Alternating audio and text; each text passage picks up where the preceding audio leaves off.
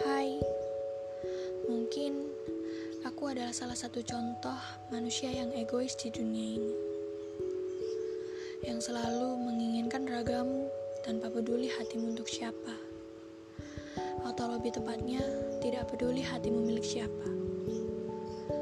Sebenarnya, aku ingin mencintaimu dengan berani, tapi Tuhan memberikanku rasa takut jauh lebih besar.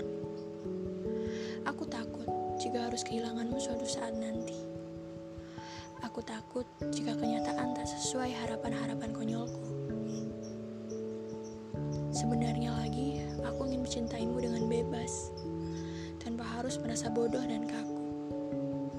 Tapi, apalah aku ini yang hanya bisa mencintaimu dengan seadanya. Aku memang selalu berhasil memulai secara diam-diam. Selalu gagal dalam hal mempertahankan percakapan kita. Mungkin pula bagimu percakapan kita hanyalah sampah.